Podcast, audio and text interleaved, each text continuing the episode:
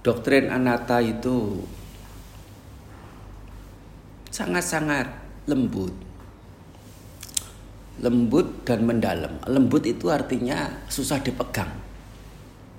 Dan dalam dirogoh pun enggak itu sulit untuk bisa nyampe. Tahu dirogoh ya? Termasuk apa ya? Uh, satu filosofi tentang anatta ini yang untuk ilmu pengetahuan sepanjang zaman itu baru sekian puluh tahun dunia ilmiah itu bisa apa namanya menguak lewat uh, ya jalur-jalur apa? Jalur jalur scholar kependidikan bagaimanapun itu juga tidak tidak terkembangkan karena alasan tertentu yang ma, apa semacam ada konspirasi untuk tidak dikembangkan begitulah. Keberadaan dunia subatomik yang pada dasarnya itu nggak ada satu entitas atau keberadaan apa yang sifatnya betul-betul yang punya sifat ciri sedemikian itu dan keberadaannya kekal abadi itu ata hmm. ilmuwan sekian ya ratus seratus tahun lah kira-kira itu ya. Terkicoh dengan kata atom uh, atau unsur. Unsur ini dianggap satu entitas terkecil yang sudah tidak bisa dibelah lagi. Karena adalah entitas terkecil yang tidak bisa dibelah lagi karena pada waktu itu mengertinya atom itu sudah yang paling sudah yang paling kecil. Mereka cara pandangnya itu dunia adalah materi. Nah begitu. Dan materi terkecil itu adalah atom itu. Dan itulah sehingga sebutannya menjadi atom. Apa itu atom? Atom itu atman atau oto atau auto Artinya ya diri itu. Otomobil, mobil artinya gerak oto sendiri. Jadi nggak usah digeledek. Hmm, otomatik, oto sendiri, mati itu tahu. Hmm. Otomatik artinya tahu sendiri, jadi bukan manual. Itu dari asal usul dari bahasa yang sama, mirip-mirip. Ya ada ata itu. Ata auto auto sama. Nah, salah satunya itu ya atom dari satu dialek yang lain. Hmm, atma. Atom eh, atma ma-nya biasanya a-nya itu biasanya hilang. Atom menjadinya menjadi atom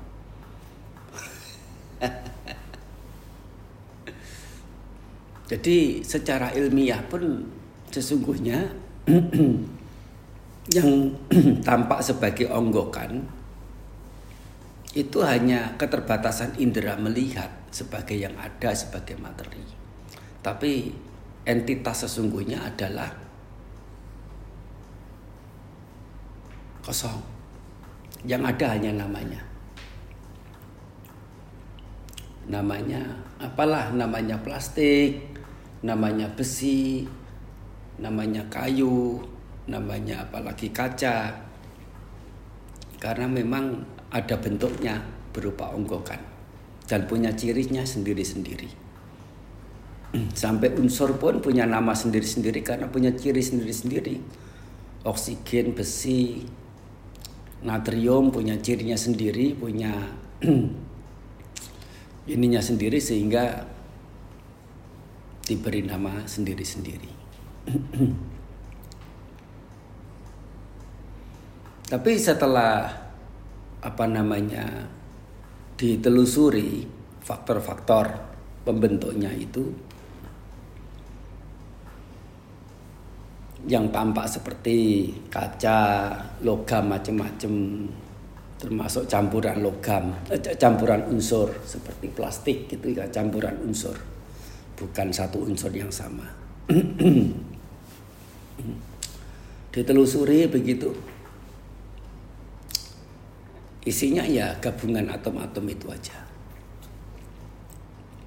Sekarang uh, menilik ke keberadaan satu individu atom itu terdiri dari partikel subatomik yaitu pembentuk atom itu yang sebetulnya ada banyak sekali. Ada ya yang yang diketahui itu belasan pembentuk pembentuk atom.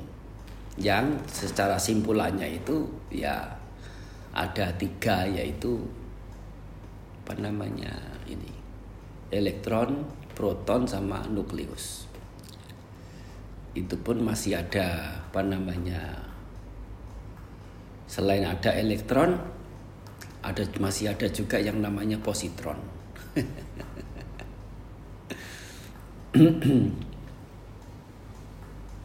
dan masih ada banyak hal yang lain uh, yang ilmuwan sampai sekarang ini belum mendapatkan kesimpulan yang pasti. Oleh karena hukum apa namanya perubahan dari keberadaan energi menjadi materi itu ternyata mengandungi banyak sekali faktor sekaligus memberikan banyak sekali kemungkinan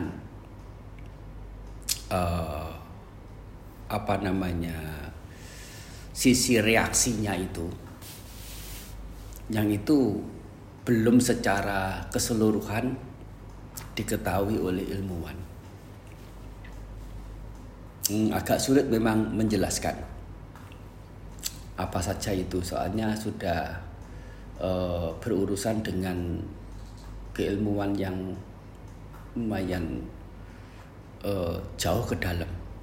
Apalagi itu urusan yang bagi kita awam itu tidak kasat mata. Ya memang untuk jangankan untuk kita untuk ilmuwan juga tidak kasat mata. Tapi mereka lebih tahu lebih tahu lebih ada dasar pengetahuannya.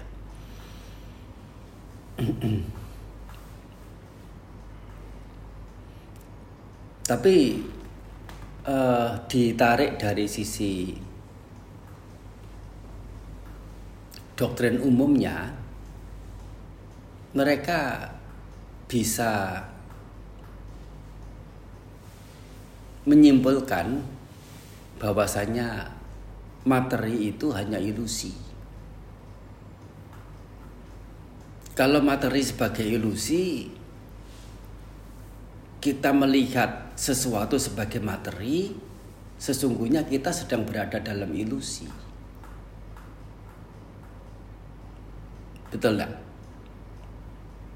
Hanya permasalahannya itu karena kita masih bersinggungan, bahkan masih membutuhkan, bahkan saling masih melekati yang namanya bentuk. Untuk keperluan keseharian dalam indrawi. Sehingga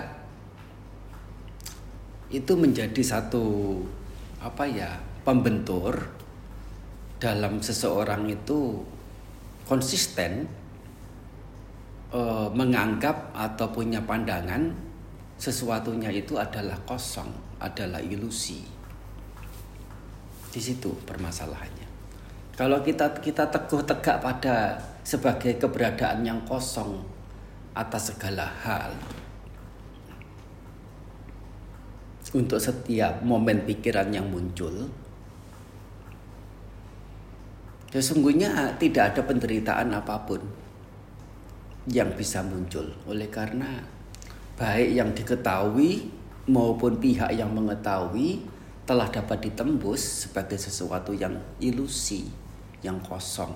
Dan sesuatu yang kosong nggak ada nggak ada akal sehatnya untuk dicengkeram, dilekati, disenangi, ah, sampai dikejar-kejar, sampai harus ada ratap tangis, ada kesedihan, sampai harus ada peperangan. Itu makna dari anata salah satu. Dengan mengerti anata sebagai yang kosong begitu, tahu sebagai yang kosong, dasar apa untuk melekati sesuatu yang kosong? Sosok yang melekati pun sesungguhnya juga kosong. Melekati demi siapa? Ini meditasi. Kalau pengertian ini diulang terus, diulang terus, diulang terus, itu namanya pengembangan. Proses pengulangan pengertian namanya pengembangan. Nah, proses pengerti, proses peng, pengulangan pengertian, pengembangan ini yaitu pengembangan uh, nilai kebenaran atau nilai kebijaksanaan ini akan sangat efektif jika ada objeknya. Misalnya, oh tubuh tubuh ini. Nah, oh sesuatu apa ya, yang menjadi objek, misalnya api, misalnya tanah, misalnya warna. Nah, atau apa pun. Bau juga bisa. Bentuk juga bisa. Supaya apa? Eh, pengertian-pengertian filosofis tentang keberadaan yang disebut kosong anata itu bukan sebatas bayang-bayang metafisika melainkan uh, ada ada bantuan berupa objek ini untuk betul-betul merealisasi betul tidak objek ini keberadaannya itu anatta tidak ada diri, kosong, ilusi. Lebih lanjut, setelah meskipun seseorang itu menyadari dengan penuh pengertian, penuh pengetahuan bahwa betul ini keberadaannya sedemikian rupa kosong saja, itu adalah ilusi. Ini namanya kebijaksanaan.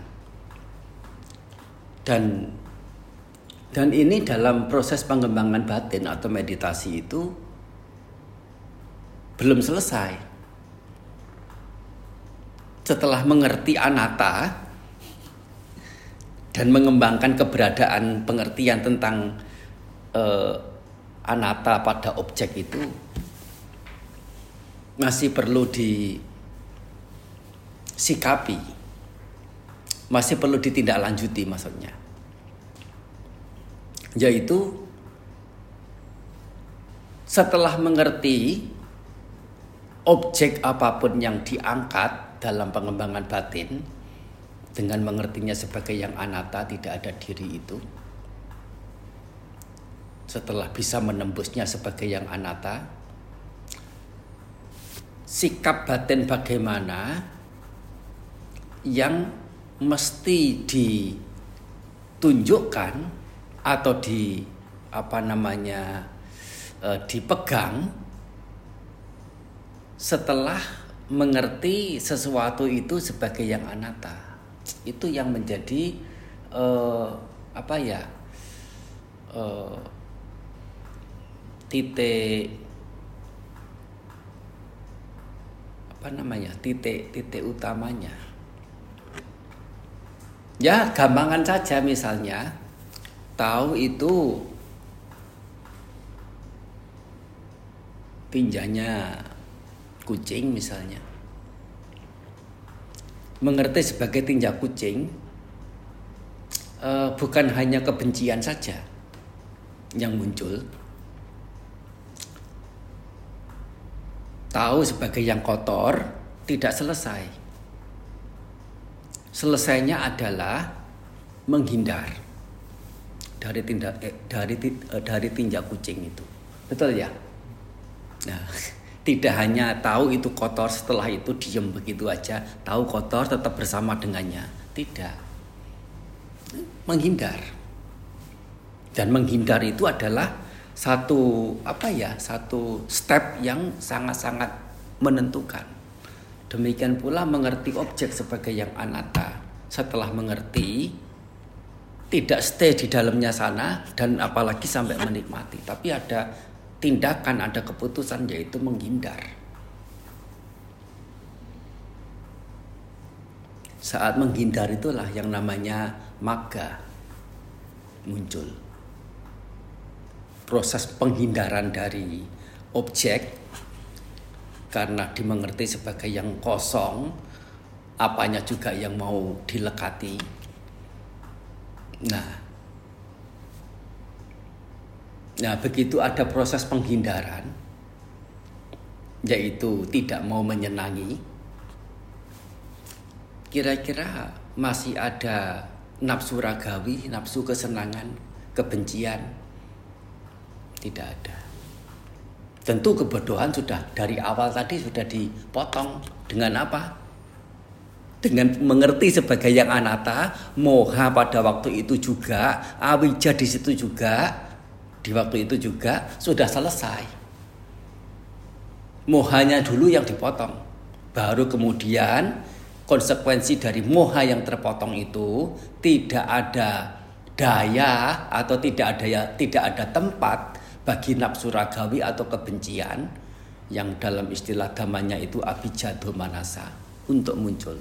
Karena pada dasarnya adalah wija pengetahuan atau akmoha ketidaktersesatan. Dan itu apa? Uh, esensi bermeditasi esensi pengembangan batin. Pengembangan batin bukan hanya di sikap penampakan duduknya atau memperhatikan nafasnya.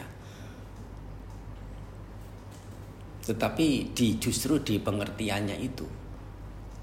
Tentu sikap duduk, duduk yang nyaman, duduk yang tegak, duduk yang proporsional, yang ideal mendukung. Terlebih lagi apa objek berupa tubuh, berupa nafas, berupa eh, bagian-bagian uh, organ tubuh ya juga penting.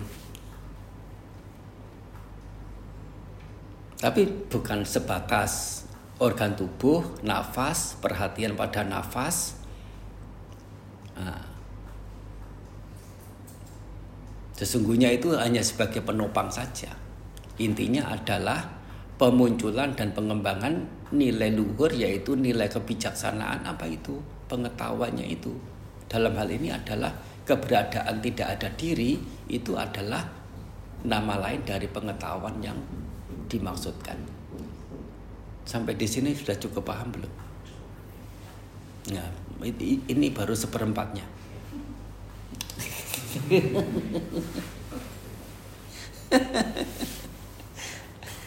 Anumodana ya.